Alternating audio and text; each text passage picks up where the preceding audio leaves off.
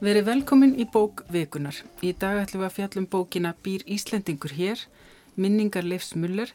sem var einn af þeim fái Íslendingum sem lendu í fangabúðum nazista í heimstyrjöldinni síðari.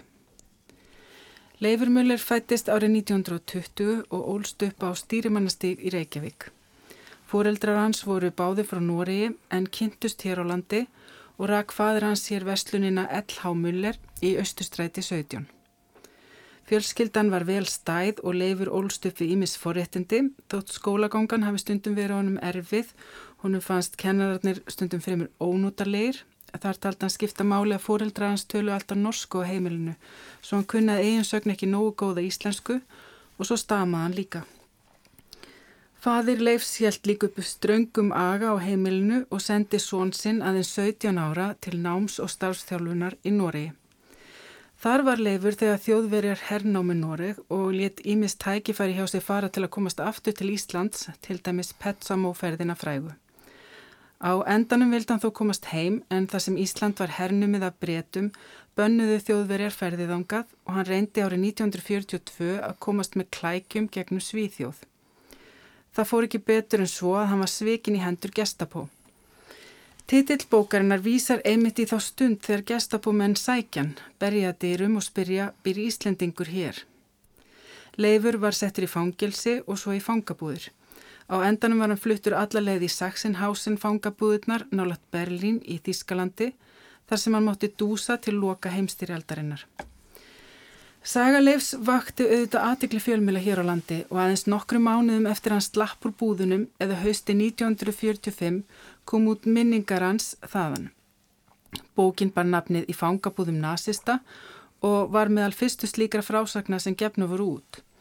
Í bókinni Býr Íslendingur hér kemur fram að Leifur hafi ætlað þar að segja sitt síðasta orð um þetta hörmulega skeið í lífi sínu og eftir það hugsa ekki framar um þessi ár, þurkaðu burt úr huganum. Það gekk auðvitað ekki eins og framkymir í bókinni sem hér er til umfjöllunar. Sú bók býr Íslendingur hér, minningar Leifsmuller, voru skráðar löngu síðar af Garðari Sverrisinni og gefnar út árið 1988, sama ár og Leifur lést 67 ára aldri. Bókin vakti mikla aðtikli og var metsölubók það árið. Samkvæmt fréttum á þým tíma var hún raunar í öðru sæti á eftir bókinni Ein á fórsetavakt eftir steininni Sigurðardóttur sem segi frá sjö dögum í lífi Vigdísar Fimboadóttur. En í samtölu mínum við fólk sem lesið hefur bókina er ljóst að þessi frásögn Leifsmuller hefur haft mikil áhrif og situr í fólki. Enda lífsreynslan sem líst er skjálfileg og afleiðingarnar átakanlegar og svo staðrendaðum raunverulega atbyrði sem snertu miljónir manna er nær óskiljanleg. Ég fengi tvo gæsti til mín til að ræða þessa bók Gunnþórunni Guðmundsdóttur, bókmyndafræðing og Alla Þór Fandal, ráðgjafa. Verið velkomin. Takk. Takk fyrir. Eh, að við bæði stútir að þessa bóka aðeins en til að byrja með þá langaði mig svona að forvittnast um hver fyrstu áhrif þessara bóka voru á okkur svona í ljósa þess að eh, mér finnst fólk tala svolítið mikið um það að það hafi orðið fyrir svo miklum áhrifum af henni. Eh, Gunnþórum, mannstu eftir þegar bókin kom út? Já, já, ég maður það vel, ég var tvítug og var svolítið hérna Eh, þá var ég svolítið upptekinn af eh, svona bókmentum amerískra kýðinga og var svolítið að lesa þær þar sem að helfurinn er náttúrulega alltaf þó ekki kannski alltaf aðal umfjöldunefni þá er hann alltaf mjög sterk hérna, presens þannig að ég er svona manvel eftir því og ég manvel eftir hérna svona bara þessum tengslum sem ég gerði við það sem ég hefði svona hugsað og síðan þessum svona hörmungum sem er líst í, í bókinni Mitt. Og svo hefur, þannig að þú last hana bara strax þegar hún kom út. Já. Og svo hefur þú náttúrulega kannski haft sérstaklega áhugaðinu síðan því að þú náttúrulega hefur verið að rannsaka trámafrásagnir og þá sögur af helförinni. Já, emitt. Um nokkuð skeið. Já, ég hérna að því að ég, sett mitt sérsvið er á hérna sviði sjálfsæfi sagna og minnisfræða og þá eru náttúrulega svona nútíma bókmynda, samtíma bókmynda þá er náttúrulega helfurinn svona þessi atbyrðu sem er algjörlega miðlagur í öllum fræðilegum pælingum um frá, trámafrásagnir og um minni og, og svo framvegs. Þannig að þessi, þessi bók og fyrir bókin hans eru náttúrulega mjög mikilvægar í, í því samhengi sko. Já, og hlýtur að vera einmitt mjög áhugaverið fyrir okkur uh, íslenska manneski sem er að rannsaka þetta svið að hafa íslenska frásagnir. Já, já, og því að það er náttúrulega, það er sjálfgæft. Já, og það voru mjög fáir í raun sem sátt í fangabúinum, en uh, voru það margir sem skráði niður? Uh, já, hann nefndi náttúrulega Baldur sem satt í gríni fangilsi sem líka skráði niður sínar minningar mm -hmm. og svo sér maður náttúrulega líka tengslið aðrar kannski öðruvísi stríðsfrásagnir eins og Hallgrím Hallgrímsson sem barðist með hérna uh, allsöðasveitunum í, í borgarastyrildun á Spáni mm. sem gefur líka út sína frásagn mjög snemma og, og þar með eru þeir komnir inn í ákveðið svona bókmyndalega hefð sem rýs upp uh, eftir uh, þessa atbyrði sem fólk er að segja frá reynslu sinni Já. sem er oft mjög náttúrulega traumatísk og... Já, og er, verður allsöðlega hefð því að auðvitað var þetta fólk allstaðar að eða þó var þá útlagar einhver staðar annar staðar. Já, einmitt. En allir þú varst uh, bann vantilega þegar þetta kom út Já, það passar. Þú varst ekki eftir því, en, uh, hérna, en þegar bókin hérna í fangabúðum nazist að var endrútgefn á 2015, þá skrifaður greinum þessa bækur í Reykjavík Vikublað og getur þú sagt svona hver ástafan var fyrir því? Já, ástafan ennur enda svo að, að hérna, að setnastriði var mjög svona lifandi og mikið til umræða á mínu heimili. Ég var mjög náinn afa mínum sem bann og hérna og hann sem sagt hafði mikið áhuga á þessu og, og þótti svona uh, margt óuppgjert í því hvernig Íslandingar litu á þennan tíma og þótti það fyrir eitthvað svona ógefælt að tala um blessa stríðið og annars líkt. Þannig að þetta var ofsalega bara lífandi í minni badnesku og svo hérna semst í raun og veru uh, lesið þarna íslenski nazistar setna því, mann ekki hvað er gammal, kannski allir ekki 14 ára eða eitthvað og hérna og þá svona far maður betri skilning á því í raun og hvað afumanns er að tala um. Og svo alltaf bara fórst líkur þessi bók beint við og þessi saga mm. leifs sem maður hafði oft hert um. Og mannstu hvernig þú last hana fyrst? Já, nú veikin að ég maður ekki en það hefur öruglega verið svona 13-14 ára eða þú veist eitthvað á þeim Frekur ungur bara. Já, ég gerir á fyrir því. Emmett, Og það var bara svona af áhuga á þessu í rauninu Já, ég minna þetta var bara þetta, er, þetta var mjög lifandi umræðefni á mínu heimili vegna þess að það er margt svona það er mjög svona einfældningslegar hugmyndir um þennan tíma uh, ofta tíðum á Íslandi eins og hann lýsir í bókinan leif. Og, og hérna og ég svona persónlega mínu upplöfun er að við höfum mistað mjög miklu með því að taka ekki fullan þátt í svona í uppgjörnu við þetta sem að þú veist fór þvert á þú veist, lagfræði, sagfræði, sálfræði, þú veist, þetta hefur, bara allt hefur snúist eftir stríð um það að svara þeirri spurningu hvernig þetta gæta gæst og hvernig komum við vekk fyrir þetta komum fyrir aftur. Mm. Við hefum kannski er... tekið þann pólun í hæðin að við hefum getað skauta svolítið létti yfir þetta. Eða... Já, og hérna, og náttúrulega bara falið ákveðin þátt í okkar sögu. Einmitt. Ég veldi svona fyrir mér hvort að uh, það gerir það svona áhrif meira að frásögnin er kannski frekar lástemt heldur en hitt þarna í býr Íslandingur hér þetta um, það er svona það er kannski ekki mikið um að hann sé að velta sér upp úr eða sé ekki með tilfinningarík svona frásögn þó maður finnir þetta þungan undir nýru og þau fáu skipti sem að, hann fer svona velta fyrir sér kemur hugleiðingar hvað áhrif þetta verður haft á sig og, og annað það verður svona næstum ennþá áhrifum meira fyrir vikið af því að svona yfirleitt reynir hann bara að segja frekar hlutast frá. Hvað finnst ykkur um það? Jú, það er það sko uh, og það er náttúrulega líka munurinn á fyrirbókinu og þeirri setni að í fyrirbókinu er ekkert um slíkt og hann talar meir, og minna bara um við, um okkur. En, en hérna í setni bókinu er hann personleiri og talar meir um tilfinningar þó það sé, veist, eins og þú segir, það er lástemt og það er bara í svona einhverjum svona leikilsetningum og leikilköplum og mm. það er einmitt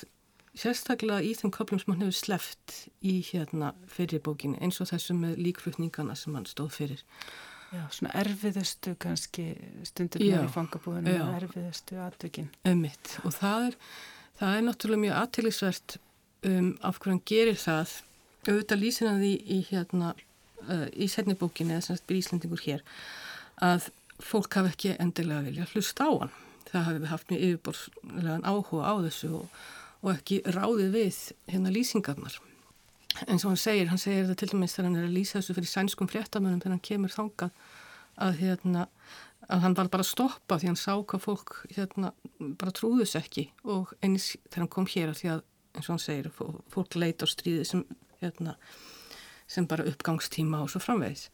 en, en hérna það eru líka fleiri ástæður enn á bakvið sko vegna þess að þetta var ekki bara á Íslandi sem var eitthvað lítill jarðvegur fyrir þetta strax eftir stríð það var í raun og veru ekki mikið mikill jarðvegur fyrir að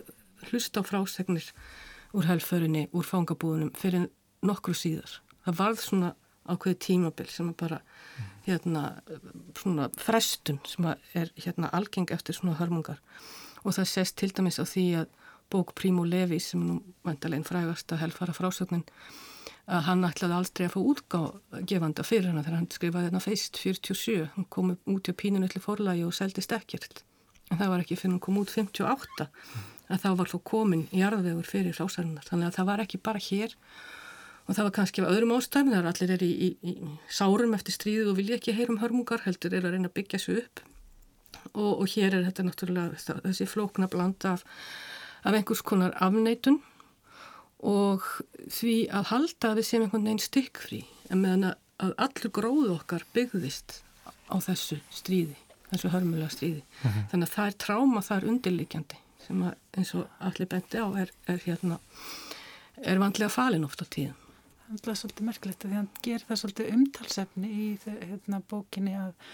hvernig stórfyrirtæki nýttu sér vinnuaflið e, í þessum fangabúðum til að auðgast og eins og bendir á það náttúrulega er við kannski hluti af þessu einmitt, þessu Já. að auðgast á þessu. Stríðskróðun er stríðskróði. Já. Mm -hmm. Já. Um, eins og ég Já, við erum búin að tala aðeins um, það er náttúrulega merkilegt að hafa ekki bara frásögn Íslendings úr fangabúðunum heldur tvær útgáfur, eina eftir að rétt eftir hann slappur haldi og hinn svona setna og þar er hann, eins og maður sér þarna í þessari setni bók, þá er hann að velta fyrir sér æfilöngum afleðingunum sem þetta hafði fyrir hann sem mannesku, það er að kemur út hann bara sama ára á hann deyr, þannig að þetta er, hefur áhrif allæfi Hann getur bættinn líka upplýsingum sem kom fram setna um það sem fór fram í fangabúðunum, jáfnvel eitthvað sem hann segist ekki hafa vitað um og sett hlutinni í starra samingi. Og svo getur hann líka horta á þetta úr ákveðinni fjarlæð því hann hefur náttúrulega haft hálfa æfina til að melda þessar lífsreynslu sem hann náttúrulega er kannski bara áfalli fyrir að eh, skráir fyrir bókina. En Það er sem sagt mjög eh, freistandi að bera saman þessar tvær bækur en Garðar Sverrisson hann rætti hérna samanbörðin aðeins í viðtali við Guðna Tómasson í Viðsjá og við skulum heyra hvað hann sagði. Hann hafði í loks stríðsins, þá var Hestet Pálsson reistjóri vísisfengin til að reyta bók þar sem var lagt mikið upp úr fréttagildi, þetta er bara gert á nokkru vikum í ágústmánuði 45 bara og komið strax, já komið í september og, og, og kynnt á, á hans nafni, Leifs. Mm en uh, þarna hann var hamleipa til verka herstinn og gera þetta á stuttum tíma og auðvitað hafði það gríðalegt réttagildi á sínum tíma. En þar heldur hann sig sagt, uh, og lýsið þessum áhorfandi tilgangu bókar en kannski slíkur. Og uh, eftir á higgja við ljósið þess sem hann segir mér og kemur fram með þessari bóka þá er, þá er ekki tilbúin og það er óhugsandi að já, bæði fyrir hann að tala um þetta og líka náttúrulega móttöku skilir verið en engin hérna á Íslandi. Hér talaði Garðar Sverrisson um útgáfi bókarinnar í fangabúðum nazista eftir Leif Müller árið 1945 og Leifur segir sjálfur e, setna í bókinni býr Íslandikur hér að Íslandikar hafa átt að afar erfitt að skilja hvað stríð var, hvað þá staður á borði fangabúðunar e, og hann segir líka hann að við í þessum fyrstu endurminningum fjallæns lítið og hægt var um sínar eigin tilfinningar og gert heldur minn og hlutunum en efni stóðu til. En í rítumum bókina býr Íslandikur hér frá 1988 þá sagði Páll Viljámsson að lauslegur samanbörður við bókina í fangabúðum nazista síni meðal annars að leifur dræjur dómhörkusin í setni bókinni Hann segir frá eigingirni Dana og Sviksimi og Hrottaskap Pólverja í fyrirbókinni en svoleiðis lýsinga sé tæpast að finna í þeirri setni. Um, tóku þið eftir svona uh, svoleiðis atriðum og öðrum þegar þið velti fyrir ykkur samanbyrðu á þessum bókum? Já og ég kannski gerði það sérstaklega vegna þess að hérna Álun Gunnlaugsdóttir skrifaði grein í rítið 2003 sem heitir Í návið stöðans þar sem hún fjallar um þessa tvær bækur Uh, Primo Levi og Jorge Semprún. Og þessars mismunandi aðferðir við að, að tjá þetta og einmitt þessar tímafaktora og allt það. Og þetta er, þetta er gríðarlega flott grein sem einmitt tekur svolítið á þessu af hverju er þessi munur? Og einmitt uh, þessi spurning um sko uh, hérna að hafa hennan tíma sem þú hefur haft til að velta þessu fyrir þér og náttúrulega það líka hann fekk lóksins hjálp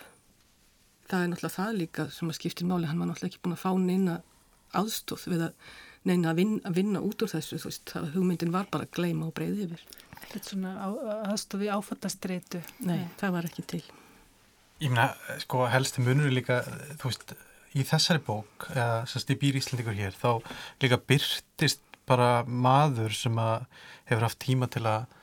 hérna, svolítið gera upp með sjálfum sér eitthvað sem er í raun og ekki hægt að gera upp byrtist maður sem hefur fengið umhugsunatíma sem að við kallum stundir bara að sofa hlutunum sko. mm. uh, og hérna og sjálfsögðu eitthvað sem að hefur þú veist haft þú veist það er bara ég, það er ofsalegur svona elegans yfir leifmöller þú veist hann bara hann fer yfir þetta eh, hérna, talar mjög tala mjög skýrt um tilfinningar sínar en, en ekkit endilega þannig að, hérna, að það sé mjög svona rósótt heldur ég bara og, og viðkenni hvað hann skilur og hvað hann skilur ekki og, og bendir á hérna. Ég meina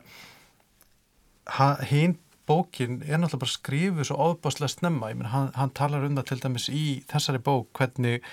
hérna aftökum er beitt miskuna löst þarna innandir að fengunum og fangavörðunum og hvernig, þú veist, það eru bara viðbröð sem þurfti.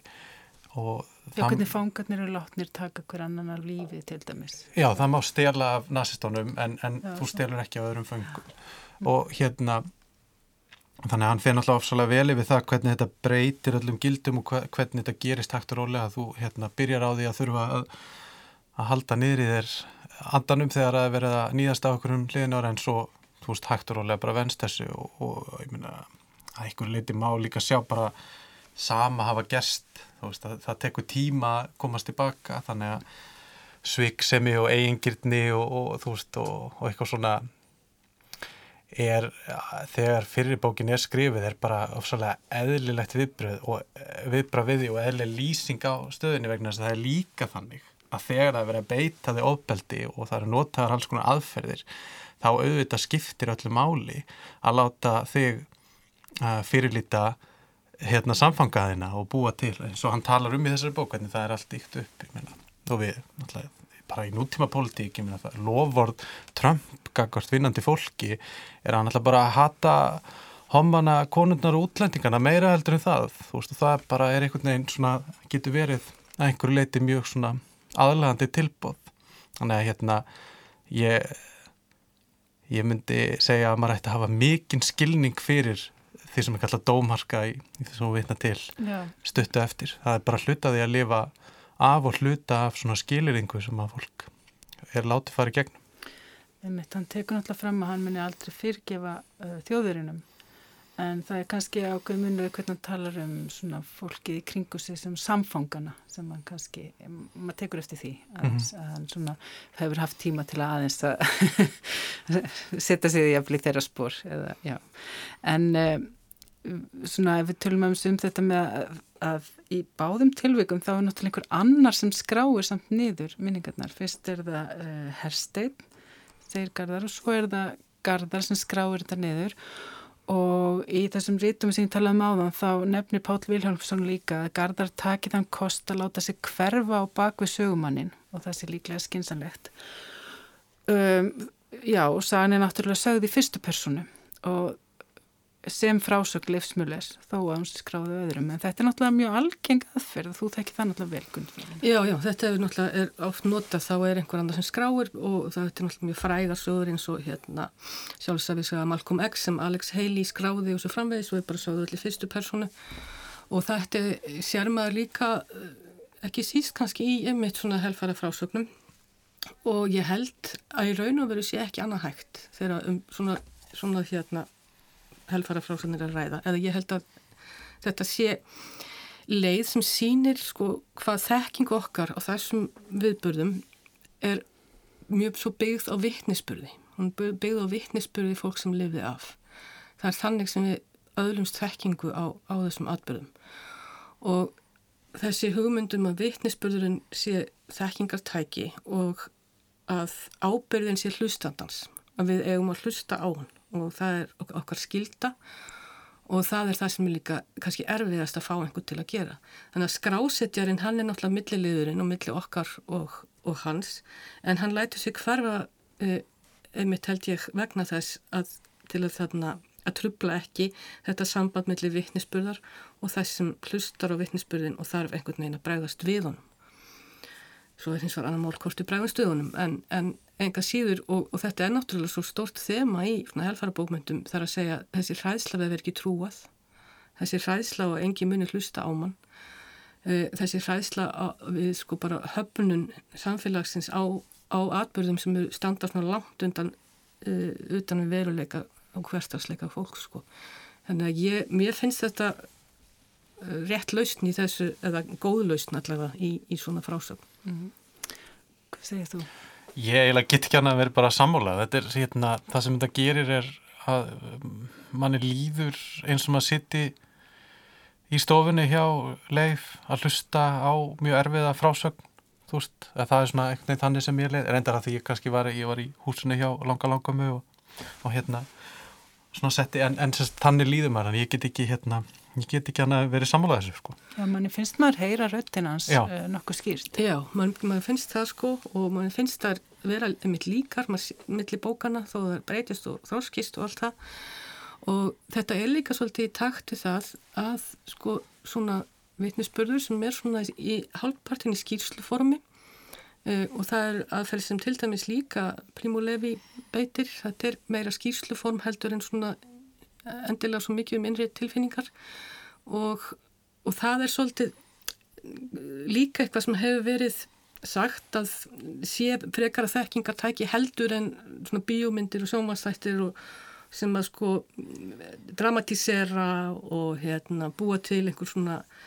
já alltaf því happy ending og, og Hollywoodísera svona helfarar og, og trámafrásagnir. Og það er reyndar eins og hann segir sko hann þóli ekki svona helfarafrásagnir sem að hérna, segja frá því að fólk hafi fundið guð í, í búðunum eða, mm. eða fundið hérna, samliðan hérna, meðfanga og, og svo framvegist því að hann, hann segir að það sé algjörlega hérna, og svona hetjusögur í rauninni. Já, hetjusögur. þetta bara brítur fólk náttúrulega niður en, en býr ekki til hetjur úr fólk og eins og Álrún lýsir þessu eða hvort á að Prímur Levi sjálfur sko þetta er öfugþróskasa í þessum tilvægum varandi þetta með hetjusöguna líka sko, þá er þetta svo áhugavöld hérna og þetta hefur áhrif á mjög margt. Uh, ég er sjálfur hinsegin við fáum mjög mikið af hinsegin hetjusögum í, sem Hollywood býr til um fólk sem einhvern veginn reys upp úr þessu mikla ábeldi og, og hérna áttu við orðabla etja en, en hérna en ég veit ekki hvað, en sko hérna staðrindin er samt líka svo að ofsóknir og ofbeldi dregu líka fram að vesta í þér og hérna ekki bara það besta. Þannig að þú hérna þarfst að, að hérna, fólk þarf að lifa af og það þarf að hérna, óhrenga hendur sínar. En á sama tíma einhvern veginn halda einhvers konar virðingu sem að hérna Þannig að ég tengdi svolítið við þetta sko því að það er aldrei neitt mál að búa til einhverja sögur af hérna, þú veist, eh, einhverjum hérna fyrstu millistjættar homónum sem að gerði eitthvað rosalega læti sko en, en, en þú sagan er kannski miklu floknari og á þessu lengri sögu þá fylgta fólki sem að fórnaði mjög miklu þú veist fyrir það bara og oft var bara að hugsa um sjálft sig og það er þess sem að einmitt er til svona ákveðin sér bókmetaflokkur og kvikmyndir sem oft er alveg skelvilega lélega en það er basically líka að segja svona hérna æglega sögufólk og ég fann það svolítið þegar ég var að sko að lesa þessa bók að mér þótti líka svolítið vænt um sko kaplan sem fjallar um áðurinn þetta gerist og eftir og, og fjölskyldunans og, og mér þótti til dæmis mjög skemmt, eða svona merkilegt að sjá það að hann er þrátt fyrir hérna þessar ótrúlega hörmökur og þessu óbúslega sko óréttlæti sem hann verði fyrir þá til dæmis tala hann svolítið um hérna hvernig það hann talaði ekkert sérstaklega góða íslensku, hvernig það sko traumatiserar hann, þú veist viðbröðum við því endalisa leiðrættingar og, og, svona, og alið á hann um einhverja skömm fyrir það og hann fyrir að stama aftur. Mm. og mér átti það alltaf mjög merkilegt vegna þess að á Íslandi er hópið fólk sem að vil mjög mikið nota, geta nota tungumáli sem félagslegt aðgræningatæki og sem sagt fóruna getunni til að tala þá bara um hluti í staðan fyrir að tala lítalaust. Sem að verður auðvitað til þess að það er alveg upp skömm hjá fólki og þá getur ekki, að því að það getur ekki semst, rætt hérna á sína eigin tungumáli og, og ítir að sjálfsögðu yngra fólki bara yfir í ennsku og það tala bara miklu betur ennsku heldur en þetta fólk sem að vil nota þetta sem einhvers konar stjættaskiptingar tól og mér þótti að veist, þetta er svona hluti af svona hans daglega lífi þú veist að hann tala svolítið mikið um þetta og það vakti aðtekli mína að þessi hlutir hafa líka djúbsta áhrif á hann Mm, og maður finnur það svona þá hann segið ekki mjög, uh, sko, tala ekki mjög mikið um það. Og hann leið ekki vel í skóla og það var, eh, kannski kennararnir voru kannski ekki bestir þar. Já, og, og, og, og hann stamaði og þetta já. já, og þetta var náttúrulega líka sko svo skjön við þetta forrættindastöðu sem hann hafði í samfélaginu, mm -hmm. hann náttúrulega var í algjörum forrættindahópi í Reykjavík og það voru fáir sem lifið svona lífi í Reykjavík á þessum tíma. En, en eitthvað síður var þetta alveg skjön við það sem hann hérna mm. við það líf sko. En uh, í viðtalinni vísi að þá spurði Guðni Tómasson uh, Garðar aðeins út í það hvernig hefði verið að skrifa þessa bók og eins og ætla má það var það náttúrulega ekki auðvelt ferli. Á meðan rítunum bókarinn stóð komið ljós að Leifi var með ólegnandi krabba mein og hann lést áður en Garðar hafði lokið við bókina. Skulum heyra aðeins hvernig Garðar lísti þessu í vísi á. Sko við tengdumst uh, fjálstilduböndum Jóleifur og maður ólstufi það að þetta væri eitthvað sem maður ætti ekki að ræðum og ætti ekki að ræðum eitt sem að myndi hann á þetta. E, í mér var alltaf forvitnisamt um þetta alls og um, um, um hérna svona mallega þáttin sálræna tilfinningarlega þáttin í þessu. Hann er kannski ekki mikil sögum en hann er hérna hann er svona tröstur trúverður sögumar og vill hafa hlutina korrétta. Við mhm. fórum saman til Þýskaland undir hans leiðsögn og þess að við fórum á slóðurnar og halaði mikið upp úr því að ég hitti þá fyrir um braggafélaga sem voru enn á lífi í Noregi og uh, ég vildi svona kafindur yfirborðið og mér fannst eins og mér tækist það ekki, það var einhver fyrirstaða en uh, þegar ég kynntist þessum, þessum félagum hans þá fann ég að þau töluði allir eins um hlutina, þeir töluðu um þetta hlutlösan hátt. Eh, þeir komist ekki við eða neitt í þá veru heldur töluðu um þetta bara sem svo kaldan veruleika. Þá gerði ég mig grein fyrir því að þetta var ekki leifur, þetta var, það var ég, það var bí, hug, mínar hugmyndir kannski úr bókum og bíómyndum eða eitthvað slikt sem að eins og hann segir sjálfur að þetta eru oft eh, glansmyndir, oft er þetta skrifað af fólki sem ekki reyndi þetta eigin skinni Hér rætti Garðar Sverrisson um rítun bókarinnar Býr Íslendingur hér, minningar leifsmuller. Hjá mér eru Gunnþórun Guðmundsdóttir og Alli Þór Fandal. Er þið samálaði að leifu sér tröstur og trúverðu og sögumæður? Já, alveg samála því en það sem hann segir er algjörlega í samræmi við aðrar frásatnir sem maður hefur lesið af þessu. Mm. Og þetta er svolítið merkilegt sko með tengslinn milli minnis, frásagnar og tráma og þetta er eins og, eins og Garðar að lýsa þessu þarna að það, að það að segja frá þessu er í sjálfu sér að endur upplifa trámað. Og auðvitað þó við séum á því að slíkt sé holdt að þá er það jáfnframt eitthvað sem þú getur ekki pínt fólk til að gera. Og þar er þetta sko með hérna hugun gleimskunnar versus hugun minnisins sem að svona tekst svolítið á. Og það kannski það sem að vakti svona hugurinn mér var við frásögn Charlotte Delbo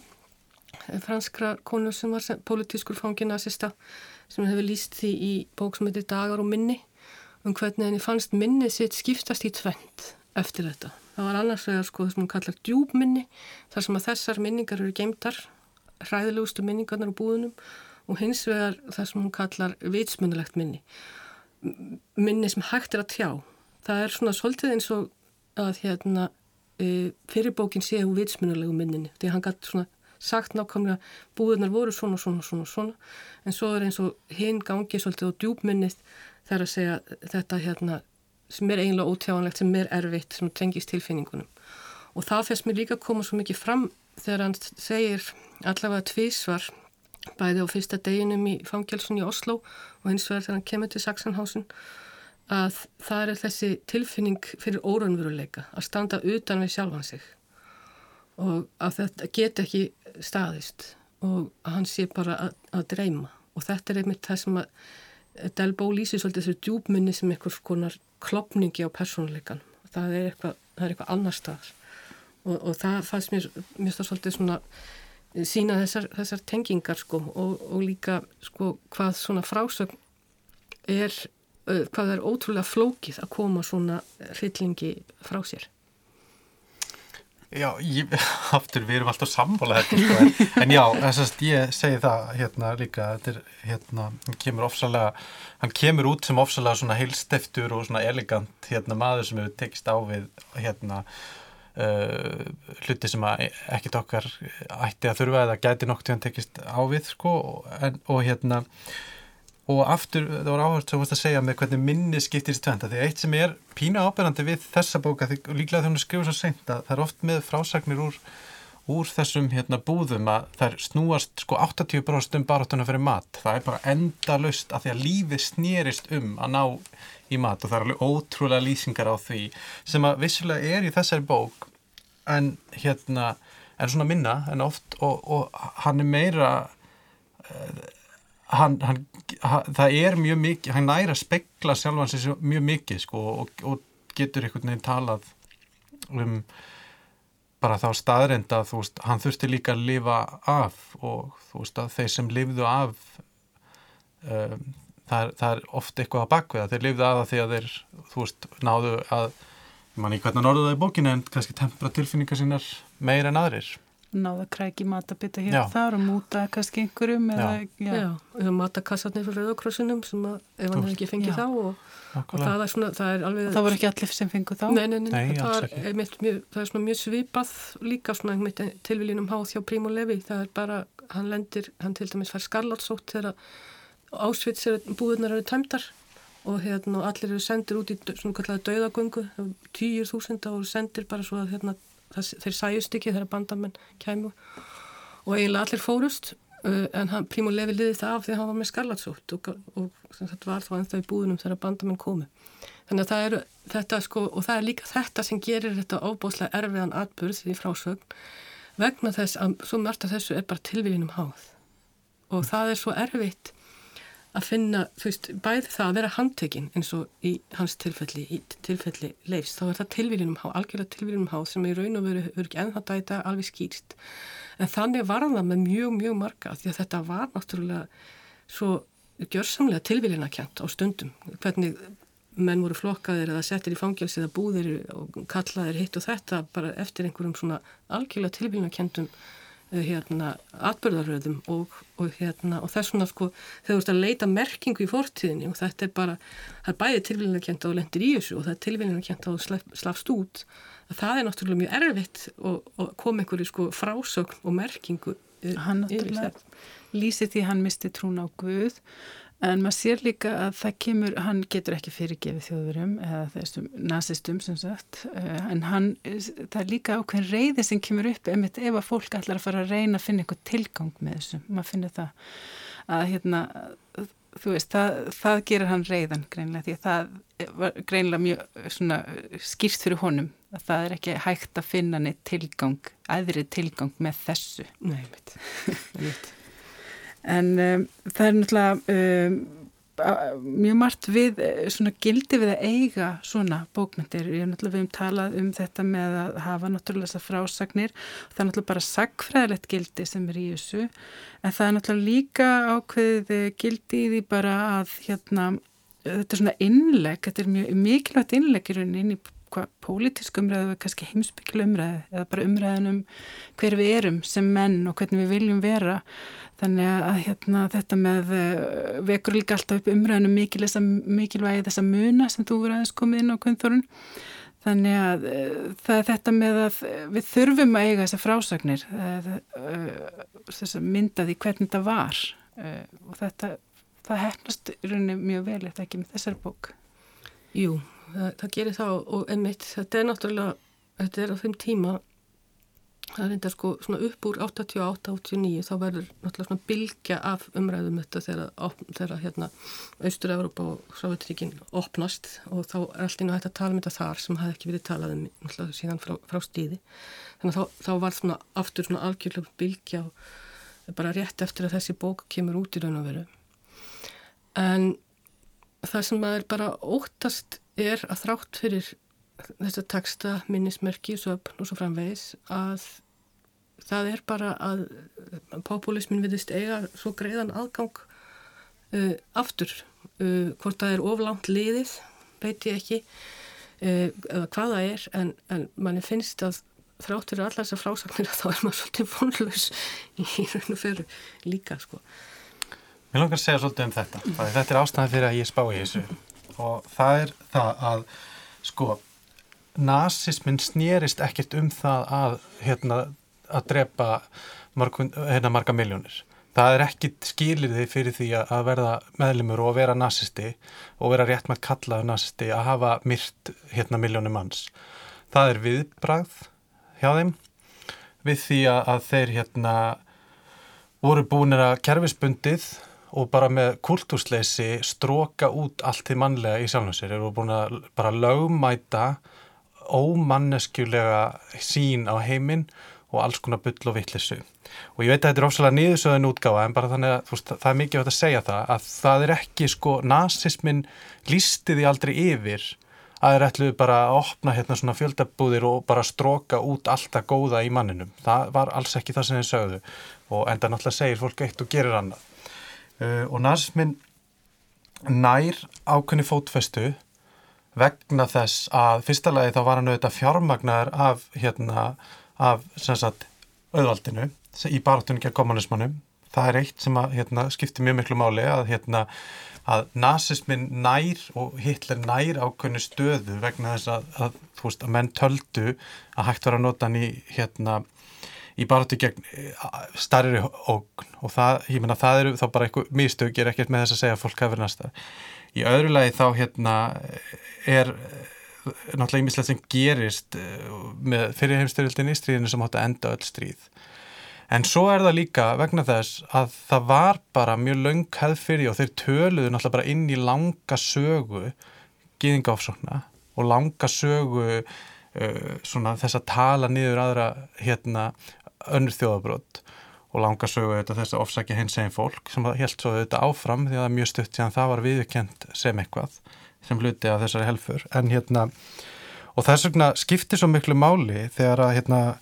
þegar að fólk grípu til svona óbásleira svona hérna nexlanar hérna væðingar á öllu sem er alveg óþólandi taktík sem fólk gerir til þess að tala ekki um neitt að viti og til þess að einhvern veginn svona búa til einhverja bublu í kringum sig þar sem allt í einhvern veginn eiga allir að hafa ofsalega þólumæði fyrir skoðinu þeirra þrátt fyrir að skoðunum sé bara algjör kæftæði, illarökfest og, og það sé líka hérna bara saga sem bendur ykkur á það að upphafið af miklum hörmungum er það að normalisera skrimslavæðingu á öðru fólki Hugmi, veist, og það, það er auðvitað þannig að við tölum oft um elítur og við tölum oft um veist, bankamenn og eitthvað svona og auðvitað er þetta ákveðin skrimslavæðing en þetta er samt hins vegar svona, svona veist, og það þarf að fara mjög vallega með þetta því að svo mjög fljótt fer þetta í konur, útendíka, börn og fallaða það er bara þannig og við sjáum þetta rosa oft hérna á Íslandi og það er þess að þetta með populisman, þetta ás og ofboslega greiðan aðgang. Fyrstalega vegna þess að við erum sko sturdlað maðurvirk á Íslandi og út um allan heim, við trúum á því góða í fólki og svo finna allir þessa tilfinningu hjá sér að vil líkt endilega vera að segja eitthvað að því að verður brókslega mikið vesen. Og það er það sem er spilað inn á. En stærsta og öflugasta vopnið eru þetta að sannfara fólk um það að það sé ykkur í keppni við fólk sem er ólíkt sér um sko hérna gæði og, og, og hérna virðingu. Að það sé þannig að, að stærsta ógnin við lífsgæði hérna millistéttan í dag sé eitthvað þú veist hérna mjölkufróðu drekkandi hérna fólk, ungt fólk með háskólagráðu sem hjólar í Reykjavík, það sé einhvern veginn svona menningalegt við eða að, hérna, að það sé bara all, allt þetta flótta fólk sem að enginn hefur neina tölu á. Þetta er bara ekkert rosalega stór hópu sem kemur til Íslands sko, sé bara einhvern veginn hérna í fríum leigubílum og fríum læknis og þar að leiðandi sé ekki til peningur fyrir, fyrir hérna fyrir hérna öryrkja og eldriborkara og eitthvað svona. Og þetta er auðvitað vopna og þetta er, þetta er hérna þetta er grunnurinn að því hvað þetta nær hérna nær miklu. Og svo auðvitað þá er það svolítið þannig að í lífinu er það þannig að þú, ert, þú þarf bara að vera tvöfalt fyndnari en þú ert anstíkilegur til að komast upp með það og fá bara alveg röð af með hlæjandum og við sjáum þetta mjög mikið á Íslandi og Íslandi eru mjög slæmir í þessu. Og við þyrtum aðeins að fara að hugsa okkar gangi því að, hérna, að það er ekki í lægi að skrimslaveða bara því að það er tvöfalt fyndnara en það er ógislegt og þarna kemur, þú veist, þarna, þetta er allt sem er, eitthvað sem er spilaðina og þetta er ástæðan fyrir því að þegar skipulaðir uh, kultúrslausir en vellæsir, ekkert endilega með mikið skilning á því sem þeir lesa og ekki mikla dýft, svona frasagaurar koma, að þá er bara hægt að lögumæta allan anskotan og það er bara þannig. Og, og hérna, ég, og bara, ég skal fara að ljúka málum mínu fyrir gefi, en það er líka þannig og ég vil bara nota tækifæri til að mönda það að Danir sem eru sko þekktir fyrir það að hafa lagt gríðarlega mikið á sig við að bjerga fólki, gríðarlega mikið á, á sig fyrir að, hérna, að standa í hárin á, á hérna, narsistunum og saman með normenn, þeir hafa beðist afsökunar á sínum þætti, til að vísa gýðing, flottamennum gýðinga og bara pólitískum hælisleitundum úr landi og ekki hjálpaðum nóg þegar það beðist sérstaklega afsökunar og það gerist 2005 Íslendingar, þar sem við vorum með fórstráðara á þessum tíma sem sagði að við værum prinsipelt á mótiði að taka á móti gíðingafólki, prinsipelt á mótiði og þú veist og það eru fjöldadæmi og við hefum fjöldasaga af því hvernig fólk, það eru til svona bækur frá gíðingum á Íslandi eða sem fengi aldrei að koma um, hérna, um það hvernig við komum fram við þau. En við gerum þetta aldrei upp. Og þannig kemst auðvitað hérna, þannig verður alltaf til grunnur fyrir svona pælingar. Þannig að við eigum í rauninni nóg eftir að ræða og gera upp hérna á Íslandi. Við eigum opbóðslega mikið eftir sko alveg, og, og það er það sem er svolítið grátlegt uh, að því að nú kemur þessi bók út 88 og þetta er svona mikilvæg tími í þessum, þessum bókmyndum og rannsóknum og svo framvegs framvegs. Uh, 92 þá neyta Íslands stjórnvöld að rannsaka stríðsklæpi Miksons sem að hér bjó og, mm -hmm. og hérna loksins var farið út í rannsónin það var úr seint og hann lést og, og, og þá var ekki meira gert en Davíð Olsson og Jón Baldin Hannibalsson koma algjörlega í veg fyrir það að þetta er þið almennilega rannsakað og þetta er mjög góð grein eftir Val Ingi Mendarsson sem byrstist í sögu fyrir nokkrum árum mm. sem er einhver einmitt þetta hvernig svona kaldastíkspolítík hagsmunapolítík og svo framvegis reyði því að það hér var aldrei tekið á neinum stríðsklappumönnum sem hér þó bjöku mm -hmm. En það bækur eins og þessar er það, það mikilvægt að svona hvað halda þeim lifandi sem hefur enda gerst verið tilfellið með þessa bók? Já, vonandi, já. Já, mjög, en það er líka rosalega mikið að gera sér grein fyrir því að það er ekki tilviljun eða áhuga leysi sem veldur því að, að þessi sögur eru svona fátíðar og það er lítið talað um þetta eða um þetta sem þú ert að benda á að stríðsklappur og aldrei rannsóknar það er ekki, það er ekki tilviljun, það er beinlínis markmið þannig að við þurfum auðvitað að taka og lesa hérna býr Íslandikur ég er og svo á það að fá okkur til að grípa til hérna sko kröfu um það að hinn hluti sögunar sé líka hérna í bóði vegna þess að mín kynslu og yngri kynslu hefur bara einfallega verið rænd á hvernig sögu Þetta verður lókgóðinni þættir í dag. Ég þakka ykkur fyrir þetta. Gunnþórum Guðmundsdóttir og Alli Þór Fandal. Við erum komin að enda þess að þáttar um bókvíkunar sem er býr Íslandingur hér, endurminningar Leifs Muller, skráðar af gardari Sverri sinni.